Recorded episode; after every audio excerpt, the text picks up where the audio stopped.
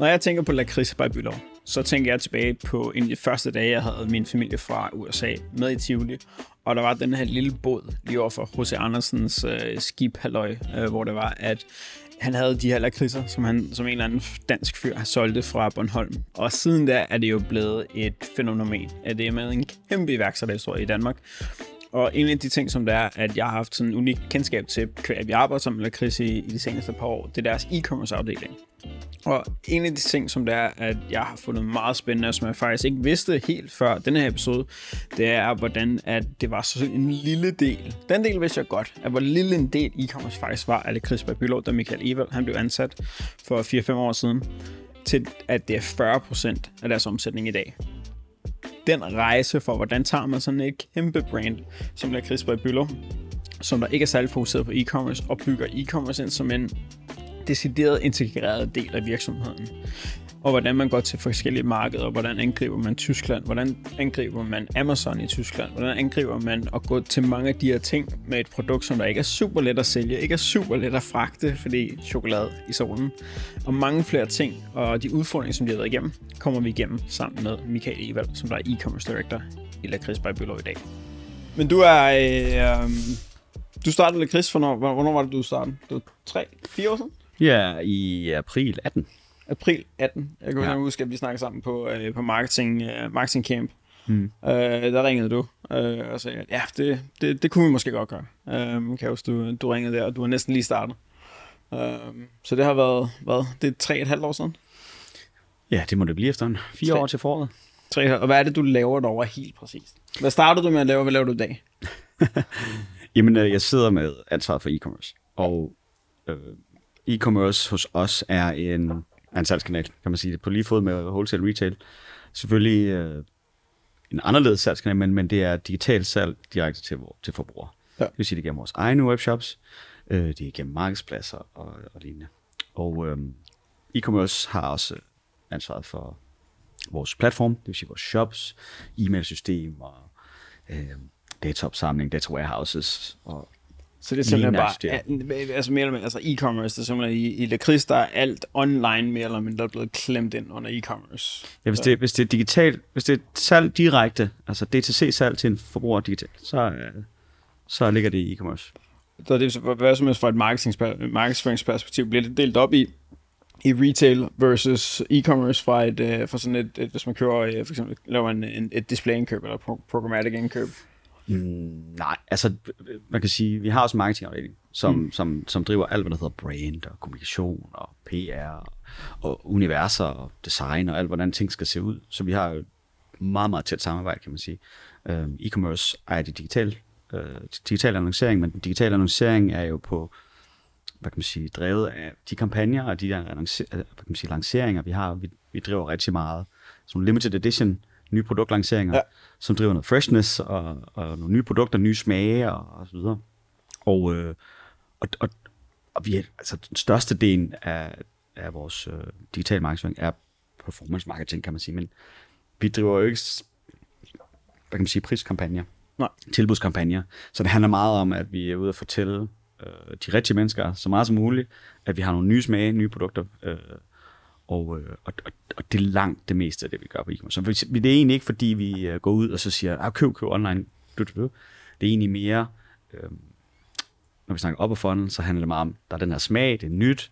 Øh, det kunne være Lemon Costa, som vi lige har kørt, som sådan en Crystal Lovers Lab, kalder vi det produkt her i oktober ja. måned, hvor vi går ud og siger, at vi har det her nye produkt.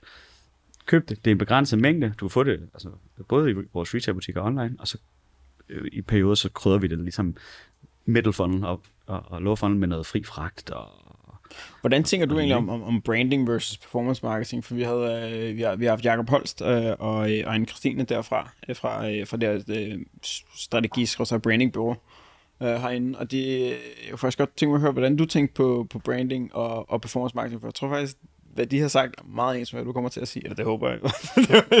Ellers bliver det akavet lige om to sekunder. Øhm, hvis, det er jo det, der er sjovt, fordi der er sådan to, der er sådan to øh, ismer, kan man sige, branding, hvor branding, hvor, hvor hvis, er meget sådan, om, hvordan ting skal se ud, og vi skal fortælle historier. Og vi skal fortælle historien på en bestemt måde, og vi skal lave video, der er sådan her, nogle smukke billeder og sådan noget. Mm. Og det er jo også en del af branding, synes ja. jeg.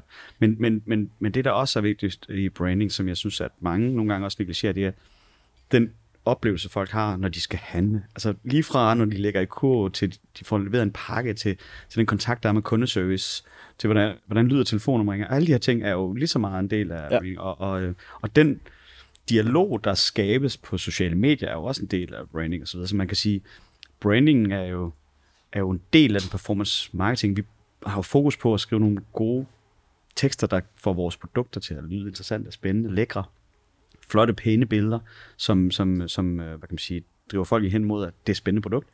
Øhm, og så øh, arbejder vi jo også med noget video, videomarkedsføring og prøver at lave ja. forskellige ting. Vi er faktisk, øhm, altså vi har lavet brand awareness kampagne tidligere, men, men den helt store sats, vi har lavet i nyere tid her, det var sidste måned, hvor vi kørte den her Shared with a Hater kampagne, som vi har kørt fuld blæs på, på, ja. på, social, YouTube, øh, Snapchat, TikTok og prøvet ligesom at, og, øh, og det har været altså, en, en kæmpe succes. Så, ja, jeg tænkte det nok. Øh, jeg synes kæmpe, nemlig, det var et mega interessant koncept. Jamen altså kæmpe succes på den måde, at folk var jo vilde med historien, og vilde med ideen af den her umulige mission om at få hele verden til at elske lakrids, ikke? og man kan sige, vi øh, har jo så brugt folk fra, fra fabrikken, alle der er med i den her video her, alle sammen folk, der arbejder ude på fabrikken, og, øh, og Ying, som er en, der har været en del af mit team, hun data scientist, hun har så lavet en eller anden obskur beregning, hvordan hun mente, at vi kunne få øh, hele verden, eller i hvert fald 84 procent af verden, til at elske lakrids eller smage lakrids inden for, det ville tage 412 år med det tempo, vi sådan havde regnet, vi kunne, vi kunne håndtere. Øh, og, øh, og nu er vi i gang, kan man sige, og vi har fået, øh, jamen, vi fik sign-ups øh, til, til, til en sample på lakrids fra 115-120 forskellige lande. Ej, altså, så var der, der var et par hundrede fra Filippinerne, og fra 100 fra Kenya, og, Ej, og spredt over det hele, og selvfølgelig tusindvis fra USA og Canada, England og, og så videre og så videre. Men 115-120 lande, og vi har fået sign-ups i. Altså, vi snakker 10.000 vis af folk fra hele verden. Ej, vildt. Øh, vi har fået hundredvis af presseklippings fra alle mulige steder i, i, rundt omkring i verden, som har skrevet om den her umulige mission. Alt lige fra øh, Yahoo Finance til, til børsen og til altså mindre danske medier. Var det bare en god idé, der faldt, der faldt ind på et tidspunkt, og så lavede I den, eller, var, eller har det været sådan noget, som, som der kom sådan over tid, og jeg tænkte, uff, det her, det, var, det kunne vi godt tænke os at lave, nu, nu, nu er det på tide, vi laver den. Altså som, øh, altså man kan sige, som alt, der ser øh, let eksekveret ud, så er der, er der ligger der altid en enorm indsats bagved. Ja. Og, og det er jo en øh, kampagne, som er eksekveret sammen med, med NK ja. i, i tæt parløb, og, og jeg har selv været en del af, af hele processen op til. Og der har været mange koncepter i spil, og mange dialoger, og mange snakke, og mange meget, meget, meget dygtige, kreative, øh, spændende mennesker indover, og, og der er blevet brugt virkelig meget tid på at samle op på, øhm, hvad er det, der er lidt specielt ved os? Eller hvor, ja. hvad er det, der sker med vores produkt? Og der øh, var den her lille sjove, finurlige insight på, at når man samler vores produkt, så har du folk, som siger lakrids. Mm, det kan jeg ikke lide. Det er ikke lækkert. Eller folk, der siger, okay, det lyder spændende, det vil jeg gerne prøve. Så der er det her fine kærlighed, had, lover-hater forhold, og meget ofte, det har jeg selv oplevet, når jeg står ude i en butik, også øh, nogle gange har været ude og samle og stå og snakke med kunder. Ja så kommer der en amerikaner forbi, ikke? Ja, I don't like licorice, ikke? Så får, og så får du alligevel givet dem en, en salt and caramel, og så prøver de den i munden, og så sker der sådan en eller anden fin lille ting, hvor man kan se på dem, at de konverterer ja, næsten. Ja, ja, altså, de, ja. det, er en, det er virkelig en, en, en, næsten en religiøs konvertering, hvor de går fra, det her det kan jeg virkelig lide, til det her det er sådan, det smager godt. Og lige præcis den der indsigt, det der med, at vores produkter er drevet, og vores, altså hele vores identitet er drevet af samplingen. Det ja, der med at få, få haterne til at prøv at smage det her, og få dem kommenteret. Og nogle af de her haters bliver nogle af de mest loyale og mest engagerede kunder, fordi de, de, er jo ikke, de bliver jo ikke lige pludselig vilde med lakrids fra den ene dag til den anden. Nej, nej. De bliver, går fra at hade lakrids til at holde af lakrids på Bylov. Ja. ja, til at holde. Jeg tror, det er en super fin distinction, Præcis. det der med, fordi jeg, jeg gør det jo meget med, med min familie øh, over i USA. Øh, altså min, min min ældste datter elsker saltakris, så mm. hun, er, hun er ikke given. Men, men resten, jeg har prøvet at tage med hjem, øh, især til, til, til jul, og det, det er altid sammen. Ej, jeg skal ikke have Andrew, jeg skal ikke have, jeg, mm. det der skal jeg ikke have. Jeg, jeg ved ikke, hvordan det smager. Altså, ej, prøv det nu. Ah, så lad os lige sådan noget coding på den der træ, den der classic der. Og vi siger, ej, det der, der, ej, det skal jeg ikke. Og så, tager, og så smager de den, og så ja. siger ah, okay. Okay, ja. Ej, det kunne jeg, den, den kunne jeg godt lide. Ja. Men jeg kan ikke lide normalt.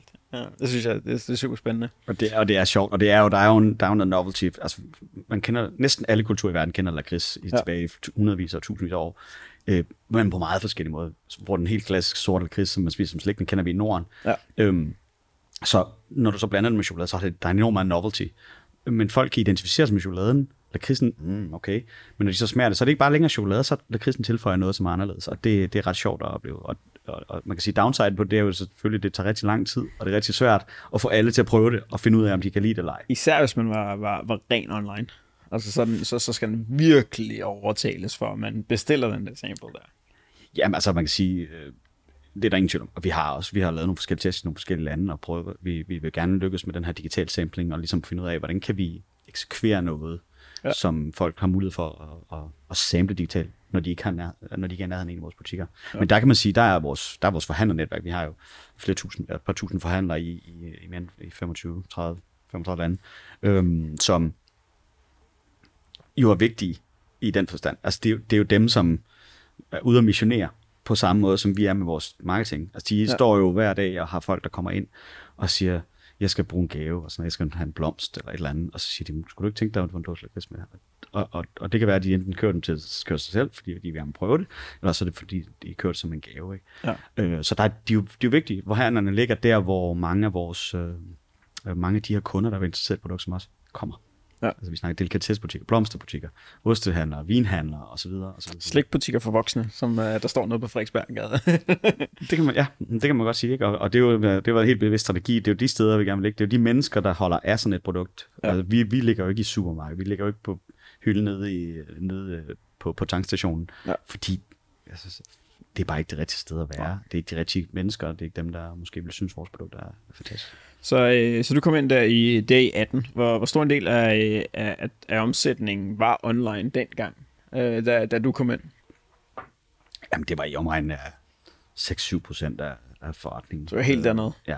Hvordan var, så, hvordan var, øh, hvordan var hele historien internt, da, da du blev hævet ind? Øh, fordi at, øh, jeg går ud fra, at, at, at man oprustede eller gik i gang med at sige, at nu, nu skal e-handel være noget mere, men men var, hvordan var virksomheden sådan gearet til at gå i gang med e-handel? Var det... Hvem var... Det var den sådan, sådan, sådan set ikke, kan man sige. Altså, Johan har jo grundlagt forretningen ja. i 2007 som en, en lakridsfabrik, mere end... Altså, vi var ikke født ind i en salgsorganisation øh, på nogen måde, så vi er han, han har jo bare startet forretningen, fundet ud af, okay, vi skal sælge jer varer, fundet ud af, at wholesale, det giver mening, vi skal have nogle forhandlere, Nå, vi skal også åbne nogle butikker, og på et tidspunkt er der også nogen, der har så sagt, okay, men lad os åbne en Shopify-butik, øh, i, i, i 2014, tror jeg, jeg omkring. Det var så før min tid, hvor man, hvor man ind i marketing ligesom sagde, okay, nu åbner vi en shop, og så lavede man hjørnen nede på lageret ude i, i Hvidovre, hvor vi også sidder i dag. Og så, øh, så begyndte man at sende lidt pakker ud der og havde et lille setup, hvilket var, var fint. Så, så på det tidspunkt øh, i, i, øh, i 2016, der sælger jo han en, en, en lille del, eller en del af, en stor del af hans forretning øh, fra, og øh, beholder selv en, en meget stor del af forretningen og, og træder ned som administrerende direktør og så kreativ direktør i dag. Ja.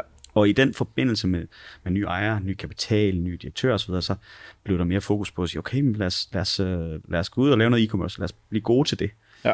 Øhm, og, øh, og det var ligesom noget, en rejse, der startede der i 17-18. Øh, og, og, og man var ikke helt lykkes med det øh, i starten af 18. Øh, der var nogle. Hvad, hvad var nogle af tingene, der var gået galt til at starte med? Øh, hvad, hvad, hvad, hvad var nogle af fejlsatsninger, der var der Nå, blev jeg, jeg, I virkeligheden så var der, uden at gå for meget med det, så var der en, en, en digital, eller en online platform, som ikke fungerede helt som den, den skulle på det tidspunkt, ja. men der var lavet nogle fejl, fejltrin øh, på, på det punkt. Og, og man kan sige, det var jo så min lykke, fordi det gjorde så, at jeg øh, fik mulighed for at komme ind og, ja. og, og, og Der var noget hive i hvert fald, da du kom ind. Jamen, altså, det, det var der. Der var en platform, som, som man så havde brugt noget tid på i 17 at bygge, og som ikke fungerede, som den skulle. Og, øh, og det var en af, en af de første større beslutninger, jeg var med til, det var, at vi sagde, vi lægger det i graven. Det, vi ja. kan ikke fikse det, vi kan, og lad os gå en anden vej. Ja. Så vi, øh, vi brugte den sommer 18 der på at, at bygge en ny platform. Øh, så på ja, 8 uger, tror jeg, vi byggede ni nye hjemmesider med seks valutaer og nyt logistik setup og øhm, med all the bells and whistles, full tracking setup, og alt, alt var sat op og så videre, ikke? Og så var vi klar til julesalget i Og det er, alle de hjemmesider, det, jeg, jeg kan godt huske, de var, de var klar i god tid inden julesalget, var det ikke? Ah, sådan føles det ikke. Sådan føles det ikke. Det var, ja, det, altså, jeg kan huske, det var meget, meget tæt på. Altså, jeg kan huske, den, den, den, den, den, det er den mest vanvittige sommer, jeg nogensinde i mit liv kommer til og har. Altså, har fordi jeg købte en andelsbolig samme, tid, samme sommer. Nå, ja, som jeg satte, som jeg, satte, som jeg gik og renoverede. Ja. Og det var den varmeste sommer i 100 år. Og, øh, vi, og vi lancerede alle de der sites der. Jeg, altså, det var virkelig lidt øh, arbejde øh, fra ja, 7 til 18, og så hjem lige spise lidt, og så arbejde i lejligheden om aftenen. Så det var virkelig en, det var en helvedes øh, mål. Men øh, til gengæld så var det jo, altså det var sjovt, fordi vi byggede nyt, Ja. og vi, vi øh, startede også samarbejde med jer dengang, og, og, og, og vi skulle i luften, vi skulle ud over stævnene, ja. og det var, det var fedt, så, så, så kan man meget. Ikke? Hvordan er det, øhm, hvordan, hvordan, en af de ting, som man, man ser rigtig ofte med, med, med virksomheder, som der sådan har været enten wholesale eller primært offline, øh, enten via egen butikker eller igen wholesale, øhm, det er, at det, det er svært sådan at differentiere, hvad, hvad er e-commerce, øh, og hvad er e-commerce drevet af, og hvad bedriver e-commerce. Hvordan, hvordan var snakken, da du kom ind til at starte med? Øh, var det, at, at, at e-commerce var en, var en separat gren af virksomheden, eller var det sådan en integreret del af virksomheden? Øh, og hvordan var det i praksis? Altså, øh, e-commerce var jo, altså, som forretningsområde, eller hvad kan man sige, omsætningsområde, det er 5, 6, 7 procent af forretningen er jo ikke, der lå selvfølgelig noget digital markedsføring, og der lå lidt, der man drev der, men det var en meget, meget lille, lille del af, af forretningen. Og da, da e-commerce blev trukket ud af marketing, mm, så, så havde jeg jo ligesom en, en det blev sådan lidt entreprenørskab, kan man sige, fordi i virkeligheden så gik vi også ud og etablerede noget nyt lager og noget nyt øh, supply chain på, på, på, på forsendelsen til B2C. Ja. Og, øhm, og så øh, ejer man lige pludselig betalingplatform, om, altså, og, og, og, og vores fragt og forsendelser osv. Så, så, videre. så, så i virkeligheden, når produktet var produceret, så lagde vi det over i en lokation, og så derfra så var det så, var det så ren e-commerce ud, hvor vi, hvor vi fik øh, varen ud. Og på det tidspunkt var, altså øh, er jo mange gange større, altså vores online øh, var en lille bitte del af forretninger, i retail var selvfølgelig kæmpe stor også, Så- og det er det stadig i dag, de øh, kanalerne er jo, er jo større end dengang. Men, øh, men det er klart, der var en, en, en dialog omkring, hvordan og øh, skal de spille sammen, de her kanaler. Vi fandt ret hurtigt ud af, at når vi pushede nye lanceringer, altså nye produkter, nye smage, øh, så gik der ikke lang tid, før folk selvfølgelig kom ind på sitet og begyndte at, at, at kigge. Men der gik virkelig heller ikke lang tid, før at folk begyndte at komme op i, ud i butikkerne. Men der gik lidt længere tid før, at så fandt vi ud af, at, at folk også kom ud i vores forhandlere og, og efterspurgte produkterne. Mm. Så vi lavede egentlig vi lavede nogle forskellige produkter. Vi har det, vi kalder Lakrids Lovers Lab produkter, som er øh, 4, 5, 6, 7 lanceringer i løbet af et år, med en ny smag, som vi laver i en begrænset mængde, øh, for at teste af, om hvad folk synes. Vi sælger det primært til vores community, og så, så markedsfører vi det også på blandt andet sociale medier. Ja. Men dem, de produkter sælger vi kun online og i egne butikker. Og, øh, og så får vi, trækker vi, får vi input tilbage, altså det vil sige, vi surveyer folk. Hvad kan I lide? Hvad var godt? Hvad var skidt? Øh, kan I lide designet? Kan I lide smagen? Alt det her. Og der får vi en masse input ind. Øh, typisk hundredvis af produktanmeldelser, survey, svar, øh, kvalitativ, kvantitativ input. Og, og de her produkter, de får så en eller anden livscyklus derefter, hvor de, hvis folk var vilde med produkterne, så siger vi, okay, de skal tilbage på en eller anden måde, så kan det være, at de kommer tilbage og entrerer året efter som en limited edition. Ja.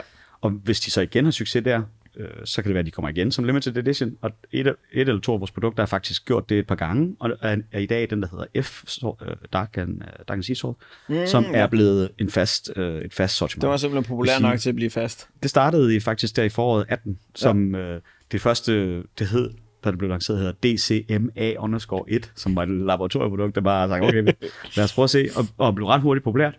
Entrerede så som en jule-limited øh, et par år i træk, og så returnerede senere hen som et af vores letters produkter, det vil sige F, øh, der sige så. Så, så det, og, det, og der er også nogle af de her produkter, som, hvor folk har været sådan, okay, det synes vi ikke, det, det var fint, men det vi måske ikke købe det igen. Og hvis der er tilstrækkeligt mange, der ikke vil det, så, så, så skal vi det selvfølgelig fra. Ikke? Og er det de eneste smage, der kommer, ud, øh, der kommer ud af det der lab? Der? Er det, ryger de alle sammen ud til forbrugerne, eller, eller er der nogle af dem, hvor, det, hvor der bliver smagt på dem, så ah, dem, den får jeg ikke lov til. at Der er masser, der er masser. Vi har et helt team, laver- jeg synes, I kreativt team omkring masser. Johan. Johan Ja. er jo, han er jo ikke administrerende direktør længere, han er kreativ direktør i dag, så han sidder jo 100% og øhm, sammen med hans team og driver kreative øh, idéer, øh, smage, koncepter. Vi har Francisca som er vores Head of Product Development, som er øh, mega sensorik og smags og nørd og fødevarenørd og ved alt, og hun er øh, sindssygt skarp, altså virkelig skarp. Og hun sidder, hun kommer jo op, og det er jo det, er jo det vidunderlige ved at arbejde på en f- lakridsfabrik. Vi sidder jo ude på fabrikken kontor også. Altså, Ja. Så vi snakker med folk nede i produktionen, vi går ned i hver produktion, jeg er i produktionen minimum en gang om ugen og rundt ned og kigge, og, og, øhm, og hun kommer tit op med et eller andet, hun siger, jeg har lige prøvet at lave det her, eller prøv lige, hvad med, prøv at smage det her. Her der har jeg prøvet lidt mere salt i end den her. Prøv lige, hvad kan I lide? Og på den måde starter, er, er, bliver medarbejderne også en del af det kreative teams proces i forhold til at udvikle produkterne. Og, øh, og der er altid åbent nede i i laboratoriet, øh, til at man kan komme ned og sige, hey, er der et eller andet spændende? øh, øhm, og der er også nogle de her, altså, der, jeg ved, der er blevet lavet alle mulige underlige ting. Jeg ved, Ja, men jeg synes, det er også noget der er blevet, blandt andet blevet testet med lakrids med chokolade med vin i, eller øh, jeg ved, der er blevet lavet en test på et tidspunkt med noget forskellig ost og sådan noget. Altså, du ved, alt muligt underligt, og noget af det, det skal jeg jo ikke se. Øh, altså, det, det, Det kunne, være, man faldt, det kunne være, at man faldt over en eller anden øh, magisk øh, kombination på, på et eller andet tidspunkt. Det, det var faldt jo heller ikke nogen naturligt ind, inden, inden Johan gjorde det i hvert fald, at, at lave noget med chokolade eller gris. Det var jo ikke øh, den mest naturlige kombination, der var, der var før.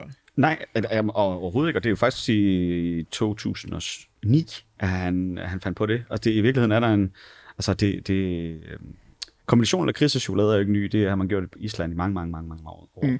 Øh, men det har bare været blandet sammen. Men det her ligesom med at dragere, det er faktisk, øh, det er Johan, der er den første, der gør det. Og, og i, det gjorde de faktisk øh, ved at, at, at lege med det. Altså prøve at sige, okay, kan vi, kan vi få chokoladen til at sidde fast? Og det, det kunne, man, kunne de ikke rigtig, og det virkede ikke ordentligt. Indtil de faktisk øh, fik hævet det udenfor, fik en dragérgryde ud i, ud i aftenkulden, og fandt ud af, at hvis det var køligt nok, og produktet havde den rette temperatur, sådan noget, så kunne man godt Så kunne man øh, godt. forsigtigt, og så stille og roligt fik de, hvad kan man sige, perfektet den her øh, Ej, proces. sjovt. Og, øhm, og det er så det produkt, der hedder A i The Original i dag, som er, Ja. ja. er det første, og det er også det, som rigtig mange stifter bekendtskab med første gang. Og Det i dag har vi jo 60, 70, 80 forskellige smage, som, hvad kan man sige, entrerer på forskellige tidspunkter af år øh, kommer tilbage. Så I starter med at, at, at være de her 6-7 procent af, af omsætningen. Uh, det er jo blevet til en del med i dag. Hvor meget er vi oppe på i dag?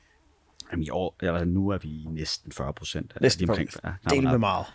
Ja, Altså, altså, på, på, øh, dobbelt, på en dobbelt størrelse forretning, og, og det betyder jo også, at vi har brugt enormt meget krudt på at, at lave en skalerbar forretning, og, Ja.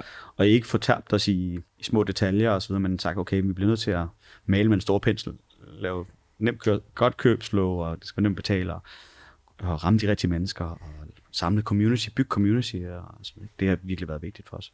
Hvad har sådan, øh, hvordan, har, øh, hvordan har teamet udviklet sig fra, fra start af? Fordi øh, du har lavet nogle forskellige ting øh, over årene, øh, og da, da du kom ind i Lakris, øh, så, så, så, så var der selvfølgelig noget allerede eksisterende, men hvad var noget af det første, hvor du sagde, det her, det her har vi brug for at, at få nogle folk på, øh, og ikke primært med fokus, fokusen på, på internt. Hvad, hvad havde I brug for at få styr på internt?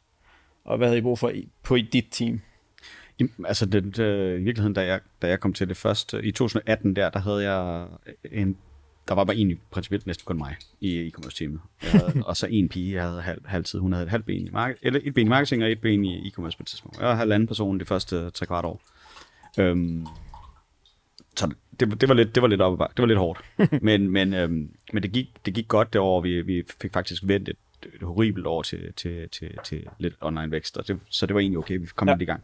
Men det første, jeg ansatte, det var en, øh, faktisk en, en kinesisk pige, øh, som bor i Danmark, og bor mm. i Danmark i nu i 8-9 år.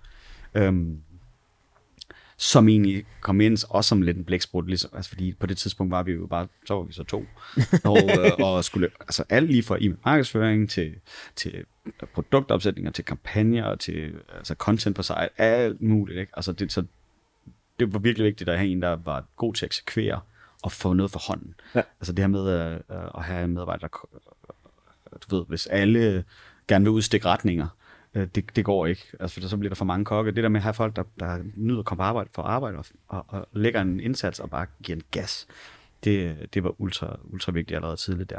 Og øhm, hende og jeg drev faktisk online så i hele 19.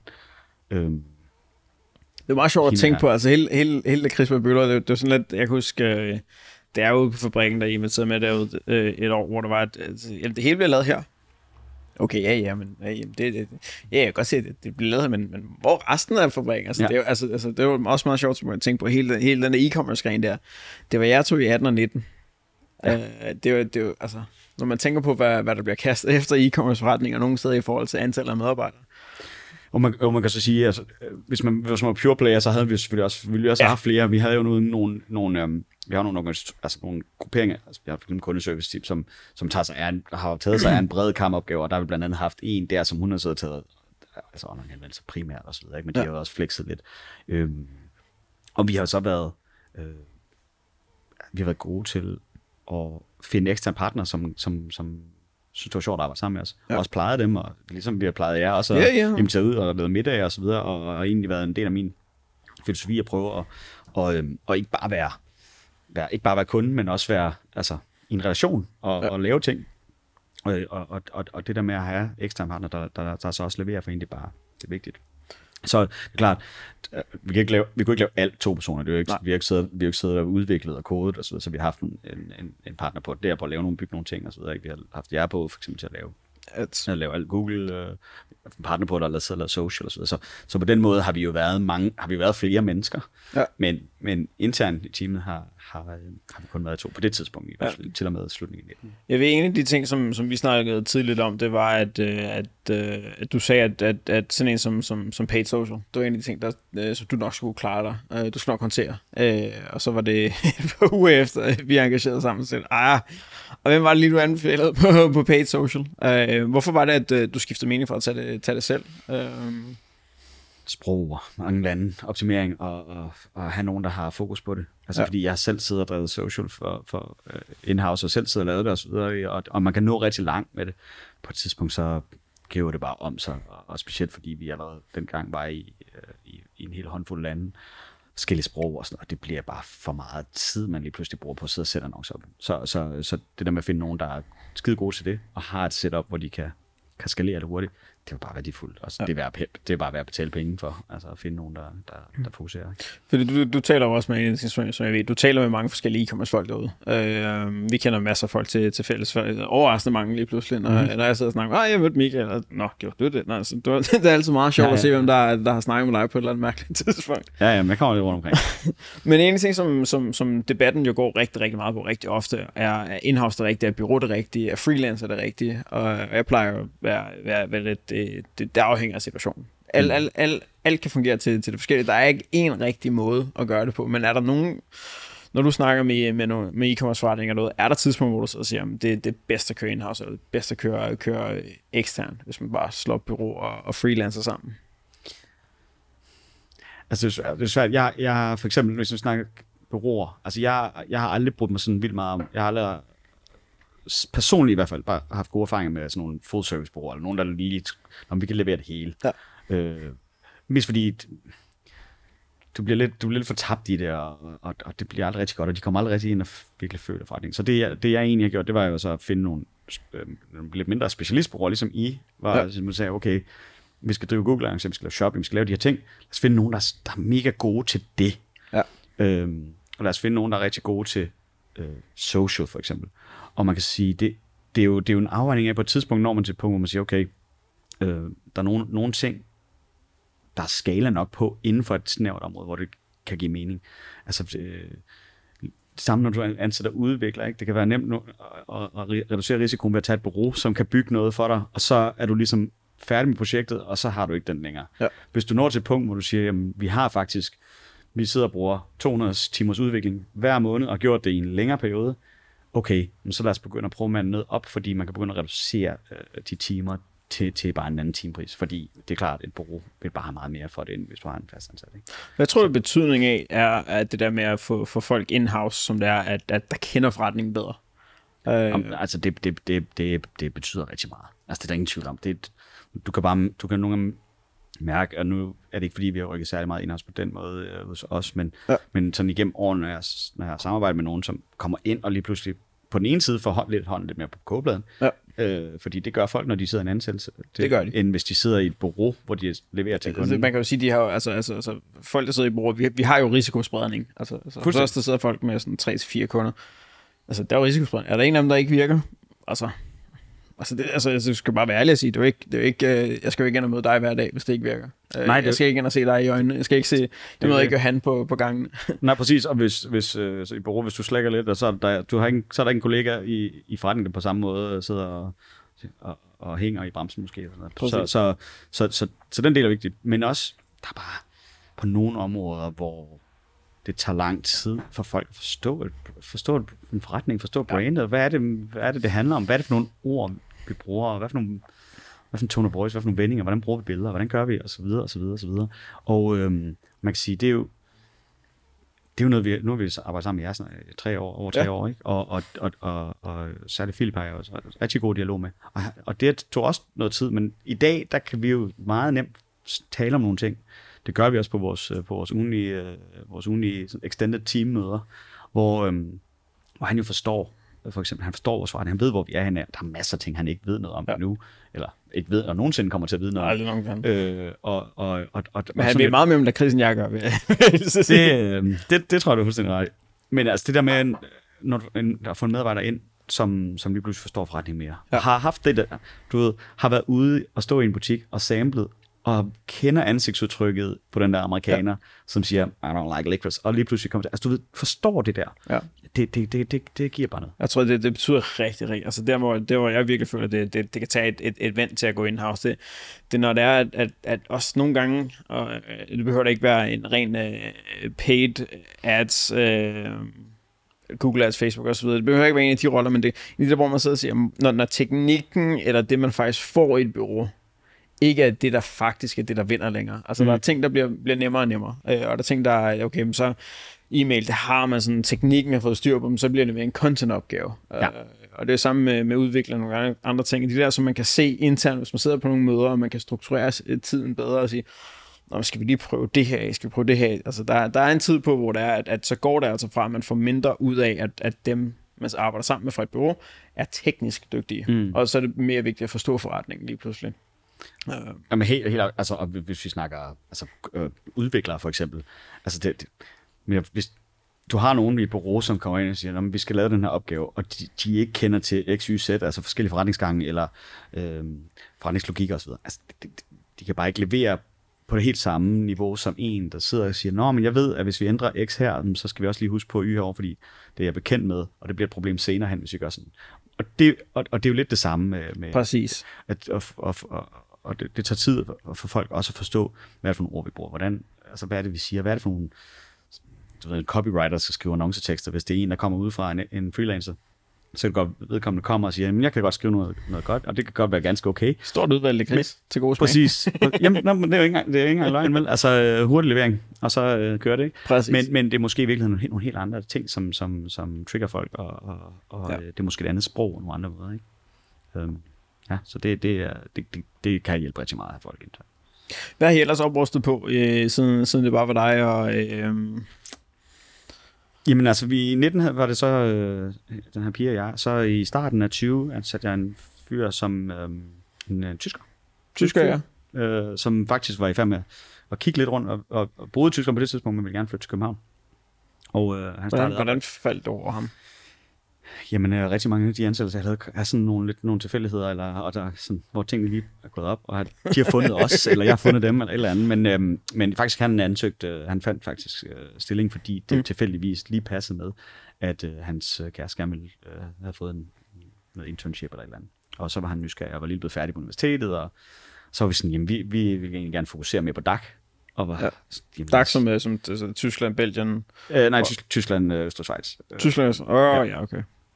Sådan. Øh, ja, og, og egentlig bare se Tyskland som et kæmpe vækstmarked, Ja. hvilket det stadig er i dag. Og, og Tyskland er Det også, er altså nogle, nogle og- vilde ting dernede. og det er også vores, det er også vores største online marked nu, og, og, og, og, og, og det er bare gigamarked. Og Ja. vi har en, altså en, en brand awareness i Tyskland på nogle få procent, og hvis vi kunne få den samme markedspenetration i Tyskland, som vi har i Danmark, så omsatte vi jo langt på den anden side af en milliard. Ikke?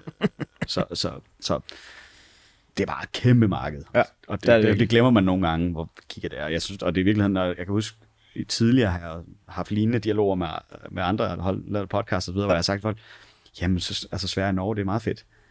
Men prøv lige at overveje, om ikke lige man skulle prikke lidt i Tyskland. Er der Fordi, noget i der Tyskland? er bare næsten 20 gange så mange mennesker, ikke? og det er bare et kæmpe marked. Ja. Øhm, og de er, de er altså på en rejse, hvor, hvor der sker altså noget dernede lige nu. De begynder at blive mere og mere digitale og vil mere og mere. Ikke? Og blevet mere og mere trygge ved at være online shop. Er de holdt op med at betale med PayPal? øh, nej, det er jo vildt, Det er at være det. 50 procent. ja, det er, mi- ja, minimum. Det er jo helt, det Det er- man, man som dansker og amerikaner, som man, ah, okay, så amerikaner har, har lidt nemmere at forstå, men danskere forstår slet ikke, at der er så mange, der kører med PayPal dernede. Det, jamen, det, er, det er helt crazy. Altså, det, og det er selvom vi tilbyder dem øh, altså alle mulige øh, andre betalingsmuligheder. Ikke? Der er både jeg ved, Klarna og kreditkort og Ja, hvad hedder den? Ikke Shiopay, nej, det er jo det er Tyskland. Ah, jeg kan ikke huske alt. Det er, der er, mange af dem, men, der er. men mange af dem, de defaulter bare til PayPal. Ja. Øhm, men det er også så, det er voldsomt pro-consumer-produkt. Altså, så, så, Men I valgte simpelthen, så I, øh, I kunne se, at, at, at, at DAC-regionen, der, det var, det var et kæmpe vækstområde, så, så okay, så, så få en tysker ind, det kunne, det kunne hjælpe ja, på det. Ja, ja. Så det var fuldt overlæg, der var, der var en tysker, eller var det sådan blandt, at, var det, var det decideret, vi, søgte, vi søgte en del tysker? En, der skulle sidde med, med salg og, og, og forretningsudvikling øh, mod det tyske marked primært. Hvad, hvad, er, hvad er hans rolle helt specifikt? For jeg tror, der er mange, der sidder og prøver at penetrere øh, sådan, øh, Sverige, Norge, Tyskland, Østrig, Holland, Frankrig, ja. Belgien, for den ja, og, han... og, de, og de får aldrig sådan rigtig, altså de får aldrig rigtig hånd på det. Altså det altså, bliver altid et eller andet, de får noget ud af det, men det, det bliver aldrig sådan, de får aldrig udløst det potentiale, hvor de siger, um, Tyskland er jo x antal større end Danmark, så, ja. men, men vi opsætter stadigvæk ikke for Danmark i, uh, i Tyskland. Altså hans rolle i dag er, han er mere, han er mere en business development i dag. Han laver mere forretningsudvikling. Også, ja. Og så, vi, fandt, vi fandt ud af det, mange af de, fordi vi laver mange limited editions, mange kampagner og så videre, det er meget det, der driver rigtig meget af det, så vi, vi, vi, vi differentierede ikke så meget ud, så vi lavede ikke så meget, der var specifikt Tyskland.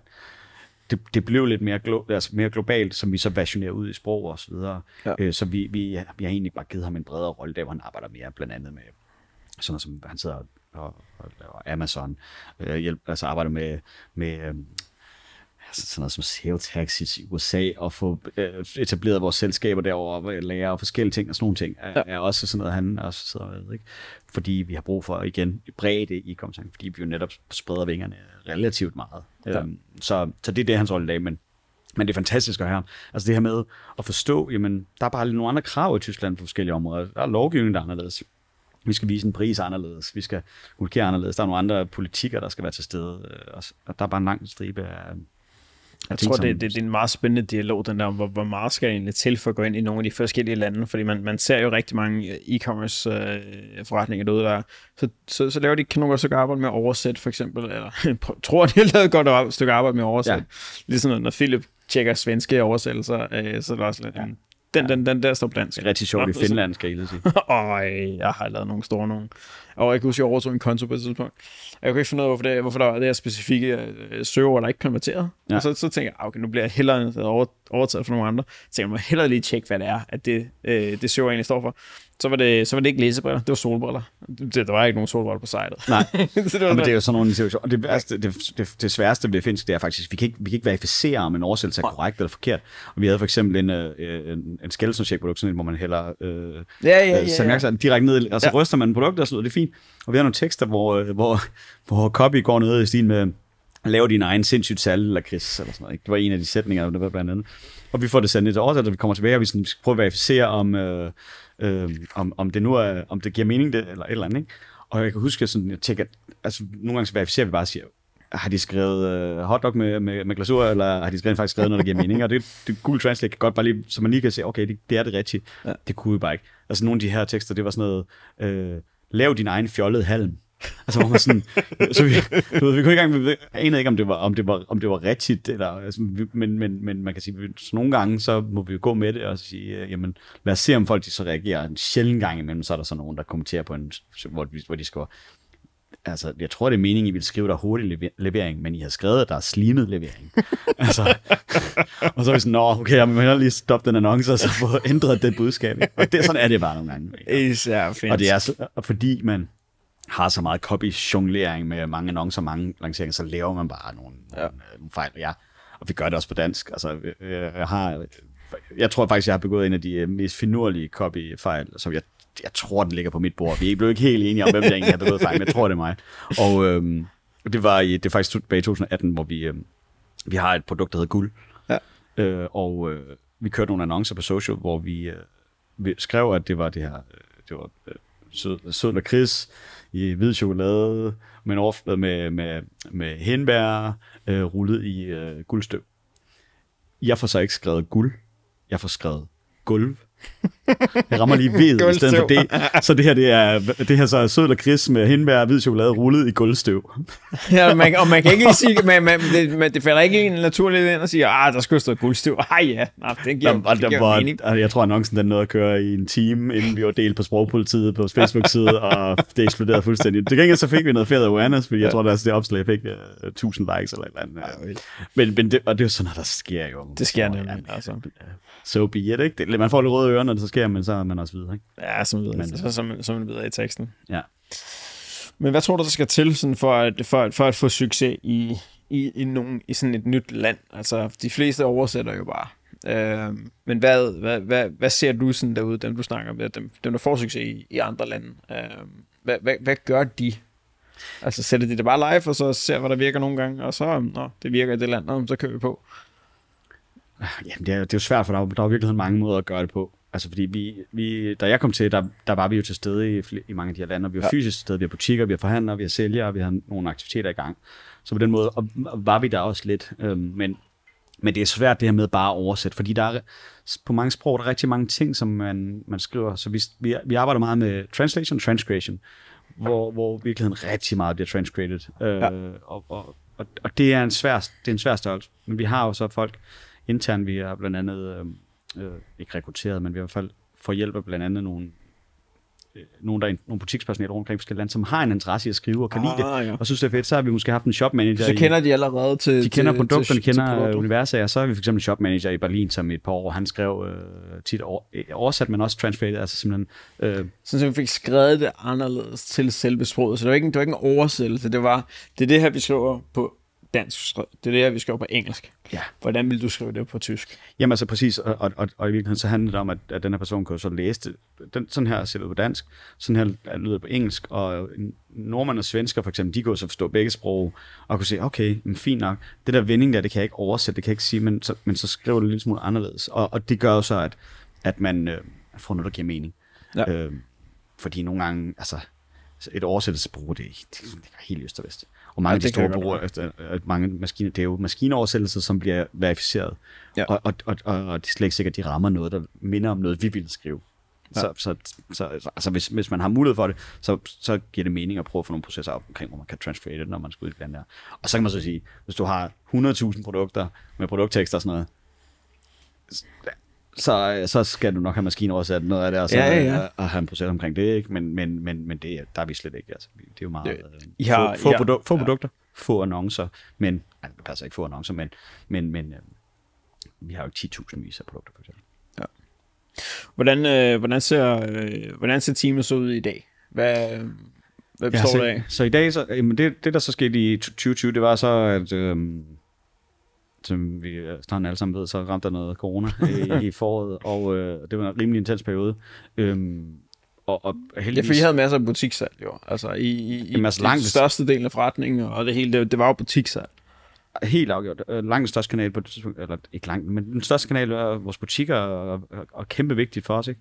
Og lige pludselig lukker det hele ned, og, og vi havde mange snakke og, og i, i, i ledelsen, hvor vi snakkede, hvad skal vi gøre, hvordan er det Men nogle af de ting, som vi blandt andet vidste, var jo for eksempel i, i, øhm, i starten af 0'erne 2003, der var nogle af de her SARS og MERS udbrud mm. i Kina, og det vi kunne se, nogle af de tendenser, der var dengang allerede, det var jo, at, at når de her lockdowns kom, og folk ligesom blev spærret ind i gårdøjen, kan man sige. Men så, så begyndte de at handle online i stort set. Så vi var allerede ja. der, hvor vi sådan, okay, men så skal vi, så, så skal vi bare double down på, på det digitale. Og, øhm, og, og der den 1. marts, hvor alle panikkede og butikkerne lukkede, så endte vi faktisk med at komme ud med, med vækst den måned, fordi vi bare øh, gav en gas. Ikke? Ja, og det er altså, altså gen, gen gas med hensyn til, at I skruede op for annonceringen, og øhm, øh, gjorde, gjorde, eller var det sådan, at I skulle gøre e-commerce klar til at håndtere den ekstra load, der kom? Men, eller? Det, men det, det var så det, det vi gudskelov også have brugt tiden på der i 18 og 19, og ligesom kunne skalere sig. Så vi havde jo også, fordi vi er så julefokuseret, så havde vi i julen 19, altså der, september, oktober, november, december, en volumen, der typisk var meget, meget større end de der forårsmåneder. Ja. Så, så hvor, selvom vi... Hvor, hvor meget større er det jeres Q4 er end et normalt kvartal? Ja, jamen altså, online er, er, er det en hel del gange større. Mm. Altså, det, det, det er folk køber ikke så meget af chokolade, for eksempel over sommeren. Så, så det der skift fra... Ja, det er vel heller ikke så sjovt at sende min, Nej, for den mindste til den største måned kan det næsten være 10 gange forskel. Ikke? Ah, okay. Um, det er der ikke helt mere, men det, det var der det særligt dengang, og det var meget ekstremt. Men det, der så skete, det var jo så i marts måned der i 20, men der havde vi jo ligesom en skalerbar forretning, der kunne klare meget mere, end vi normalt ville gøre i marts. Ja. Fordi vi havde ekstern lager, vi havde forskellige uh, 3PL-service, vi havde nogle forskellige, forskellige fragtmuligheder, der kunne klare noget mere. Så, så, så vi aktiverede i nogle forskellige uh, aktiviteter, som vi havde hvad kan man sige, i bogen. Ting, vi vidste, det her kan folk godt lide. Vi, lavede, uh, vi havde nogle produktlanceringer, som vi rykkede lidt frem. Vi lavede nogle forskellige pakker, lavede nogle forskellige hvad kan man sige, universer og dem øh, fyrede vi så til. Øh, så der folk ligesom sad der og og, og, kløde sig navnen i, i sofaen, fordi de var i lockdown, så havde vi noget, vi kunne gå ud og sige, hey, her er noget, der er spændende. Øh, og, og så var de øh, interesserede i at købe. Så vi røg meget, meget hurtigt med på den der, den der første e-commerce bølge, der, Ja. der lynhurtigt ramte. Altså vi havde jo jeg ved ikke, 500% vækst i, i, i den marts måned, eller sådan noget. Så, hvilket var så selvfølgelig også har, har påvirkning. Men det gjorde faktisk, at lige i starten der, vi, mange af de, meget af det butikspersonale, som jo ikke længere kunne gå på arbejde i butikken, mange af dem de kom ud på fabrikken og pakkede gaveæsker og blev aktiveret i, i produktionen, så, så vi egentlig ikke måtte, vi måtte vi, det var ikke nødvendigt at afskedige du ved, alle vores butikspersonale, eller ligesom så mange andre jo ja. Ja. i virkeligheden øh, kom i, det, der var vi meget begrænset. Ja, der var godt nok meget, der var lukket i meget lang tid. Det var, ja, det var, det var tungt, øh, må man sige. Men, men det, der, hvad kan man sige, nogle af de ting, som vi fandt ud af, det var, okay, vi skulle, vi, jeg ansatte øh, den sommer der, en, øh, eller sensommeren, en øh, studenter med øh, til at sidde og lave øh, forskellige social og dialog, og så vi begynder at have rigtig meget dialog på sociale medier. Ja. Vi gik også i gang med at finde en, øh, en udvikler, en, en backend-udvikler, som, som kom til. Og, øh, og senere hen i, i efteråret, der forsøgte vi også en, som sidder og laver øh, e-mail automation, altså sidder og laver flows og bygger ja. forskellige ting af den slags, øh, fordi det er mange sprog, og det er mange, mange markeder, og der er mange, der er mange aktiviteter. Øhm, så, så det, er, det er nogle roller, vi har fået ombord i mellemtiden, og øh, øh, kort tid efter forsøgte vi også en uh, data scientist, som, som startede i, i foråret i år faktisk. Hvad, hvad, laver, hvad laver sådan en? Vi, sidder, vi, vi, vi øhm, samler noget øh, transaktionel data op nu, adfærdsdata op, som, som vi øhm, øh, smider ind i et BigQuery Data Warehouse, og så har vi bygget nogle datamodeller ovenpå på det, så for, for, for at få en forståelse af, mm, hvor mange af vores kunder er du ved, returnerende kunder i hvis, og vi kan bryde det ned på kategorier, eller hvor mange af dem er, mm, øh, du ved, hvor mange af dem bruger bestemte services, og, og ting vi også gerne vil kigge på, det er sådan noget med, jamen hvis de er i kontakt med kundeservice, er de så mere eller mindre loyale på sigt, eller hvis de læser bestemte indhold, eller køber bestemte varekategorier øh, som første køb, jamen driver det så mere loyalitet. Det kunne være interessant for os at vide, jamen, hvis folk køber en frugtsmag smag, eller en saltsmag i starten for eksempel, på sigt, mm, er den, er den ene eller anden driver den mere eller, øh, loyalitet på sigt, fordi hvis, hvis folk køber en type produkt, og så bare aldrig vender tilbage, så har vi jo et problem, kan man sige. Og Ja. hvor den anden produkt måske er et, som de bare køber igen og igen og igen, fordi de vil med det. Ikke? Er det, hvad, hvad, hvad, var det så ham, der kom ind og satte hele det der data warehouse op, eller bare er det allerede klar, Øhm, da han kom ind? Jamen, hun, hun, øh, hun, Han, hun. hun. Øh, er faktisk en, det er igen en, en meget fin øh, øh, hun fandt vej, men det er faktisk en kinesisk pige med os, mm. som havde, øh, havde boet i København, nej, hun boede i Sverige og læst øh, en master i øh, informatik, flyttede tilbage til Kina, arbejdede som data scientist for Bank of China i fem år, og så blev tilbage til København, taget endnu en master i, øh, i, data, eller i computer science. Øhm, hun, øh, jeg Så det var ikke lige en vilkårlig uh, studentermedhjælper, som der, som, der, som der skulle komme ind og læse lidt Excel-data, kan jeg høre. Øh, nej, nej, det altså, er, hun, det, hun, det er, hun, det, altså, det, hun, hun, hardcore. hun, hun taler øh, flydende SQL, ikke? Øh, og, og, det, og, det er jo, og det er jo fantastisk på den måde. Og, og, det, og det vi allerede tilbage i 18, der havde jeg faktisk tænkt nogle tanker, så vi havde faktisk bygget et, um, et, øh, et, et, et dataset op, som samlede det her data op, og allerede dengang begyndte at synke ind i Data Warehouse. Så vi havde øh, altså, øh, øh, enormt meget, øh, øh, rigtig meget anonymiseret data også øh, på, på adfærd, og, og hvad folk de klikker på, hvorfor de klikker, hvornår de klikker, og alt det her. Ikke? Og, og, og, og det lå egentlig bare ripe for the, for the taking. Ikke? Og så øhm, havde jeg længe kigget på Looker, som er sådan en, en, øh, en BI-platform, som Google ja. købte for halvandet år siden, øhm, og indlemmet i deres Google Cloud-produkt faktisk øh, i dag. Og øhm, det fine ved Looker er bare, at man, man kan bygge nogle datamodeller, og så skriver Looker med noget Looker-mail, skriver egentlig det, det SQL, du har brug for øh, under maskinen. Så, så det er meget nemt mm. for sådan en forretningsbruger at sige, okay, men jeg trækker lige nogle metrikker ind og prøver at slice det på nogle forskellige måder, og så lave en visualisering, og så bygger Looker et kæmpe, øh, altså et kæmpe SQL øh, øh, øh, query, og så, og, så, og så kører det op mod øh, Spændende. Det vil sige, vi kan, vi kan meget, meget hurtigt analysere meget, meget, meget store mængder data. Vi har jo, altså, vi har milliarder af, af, af, af datapunkter. Hvornår tror du, at andre e-commerces vil have brug for at lave sådan noget lignende? Altså, øh, ved x antal ordre, x antal omsætning. Jamen, altså man kan sige... Altså, når, det kan jo ikke svare sig, hvis man har et par tusind ordre om året, og så sidder og begynder at lave sådan noget. Altså, det, det kan det slet ikke.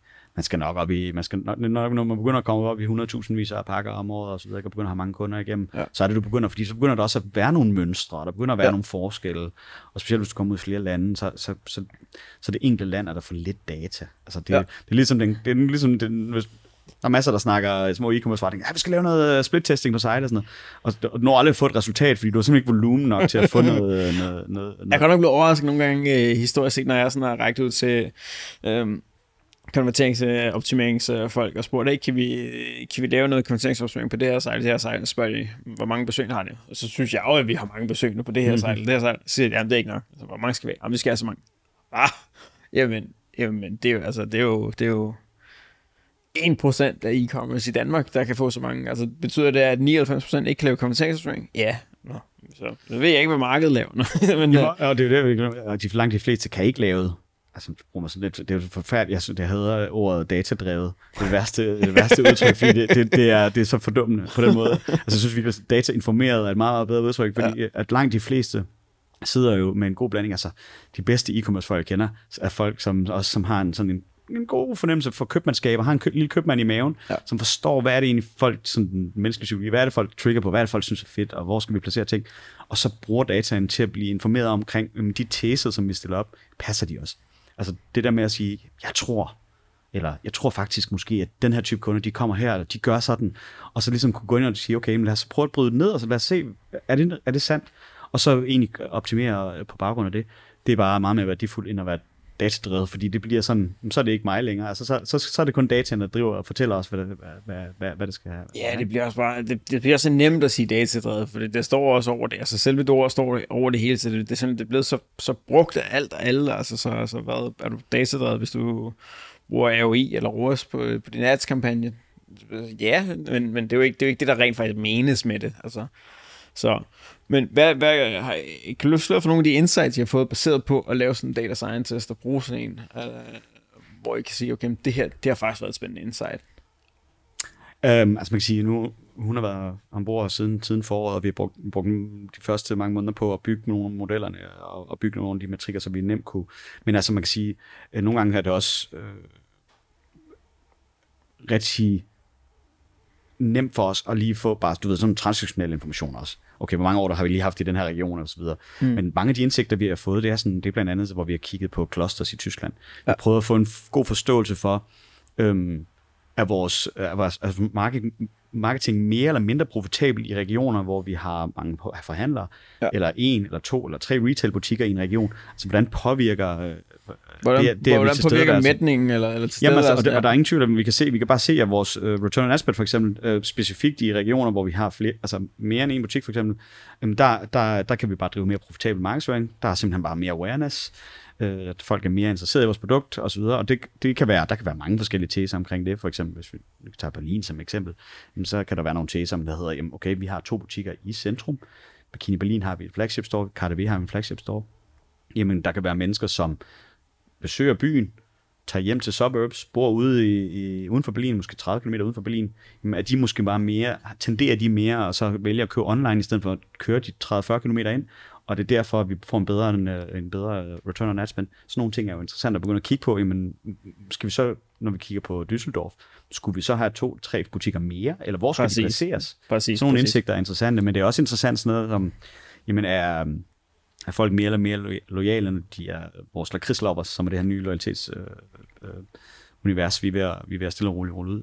Øhm, og der er det jo bare interessant at sige, er, er, der, er der visse produkter, de er mere interesserede i, eller andre, og hvad med størrelser? Øhm, kører de primært små dåser, eller kører de large? Øhm, og kører de ekstra, når de kører en julekalender, ikke? Øh, så, så skal vi have flere af dem ind, eller er det i virkeligheden dem, der bare måske egentlig er dårlige kunder, så fordi de gerne vil have nogle flere, altså du ved, sådan nogle ting er, er, er live med og, og kigger på. Øhm, og der er, altså, du ved, bunken af teser, man kan bygge, er jo, er jo, er jo uendelig stor, ikke? altså, så der er rigtig mange ting, som, som, som, er, som er lidt sjovt. Vi kigger rigtig meget på, øhm, hvor værdifuld er vores community. Altså, vi, vi bruger enormt meget fokus og energi på, øh, på e-mail. Ja. Og det har vi gjort lige siden 18. Det var en af mine første. Det, skal, det er bare... Næste efter shoppen skal fungere godt, så skal e-mail fungere godt. Så, e-mail så vi skal, godt. Og ja. vi, skal, vi skal have folk ind, og vi skal have vores budskab ud, og vi skal, vi skal ikke... Vi skal ikke genere folk, men vi skal sende dem nogle af vores, af vores nyheder I skal, informationer. I skal, det skal ikke være en overraskelse, men at, at der kommer en mail fra jer, hvor de siger, Nå, hvem var det nu, det var? Um, jeg tror, en, en af de ting, som jeg synes, der er, der er mega spændende at snakke om i dag, det er det der med, at, at, at man kunne jo sagtens have taget lakrids og sagt, vi sælger lakrids, vi sælger de her 8, 10, 12 stykker, og det er dem, som vi bygger kampagner om, det er det, som vi laver måned efter måned, år efter år, knald, knald, knald. Men det der med at have taget, og, og taget, hvad der faktisk sagtens skulle have været en, en rigtig, rigtig, rigtig lukrativ forretning, øh, og så, så tilføjet limited editions, og selv sagt, at vi har brug for noget, og igen virksomheden, øh, virksomheden har brug for at lave noget nyt, har brug for at komme ud med noget, så vi ikke bare kører i det samme spor igen og igen og igen og igen. Fordi det er lidt ligesom, som, øh, som man siger i fashion, øh, at, at der kommer noget nyt. Der kommer noget, noget, noget nyt, nogle nye trends, nogle nye ting, som man kan komme ud med.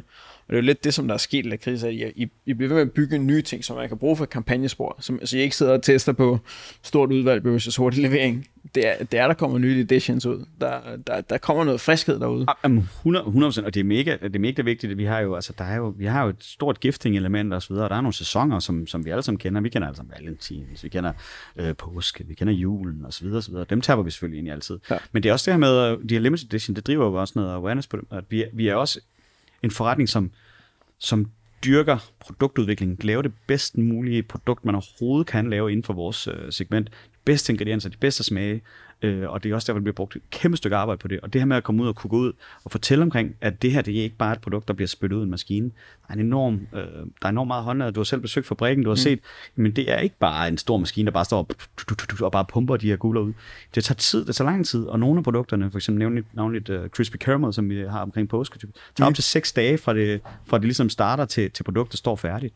Og, øhm, og, det er bare, og det er bare lang tid, fordi så skal det lige stå og hvile, og så skal det dracheres, og så skal det stå og hvile igen, og dracheringen tager 4-8 timer. Så skal det igen hvile, og så får, får det en, en, en sugar coating og så videre, det skal også stå og hvile og så videre. Så 6, 10, 6 dage fra, fra det starter. Og det her med at, at, at, at, at fortælle den historie, det er også en del af det med limited, limited edition. At sige, prøv her, vi går faktisk og bruger, vi har en håndfuld mennesker, der arbejder fuld tid med at lave de allerbedst mulige smage og produkter, som man kan drømme om. Øhm, og dem vil vi gerne have, at folk skal smage. Så, det er, så, så det der med, at der er noget nyt, øh, og, og så kan man så sige, der er jo netop også et spor, som er sådan et laboratoriespor, eller labspor, hvor vi går ud til vores community og siger, prøv at se den her, den er ny. Vi synes, det smager fantastisk. Hvad synes I?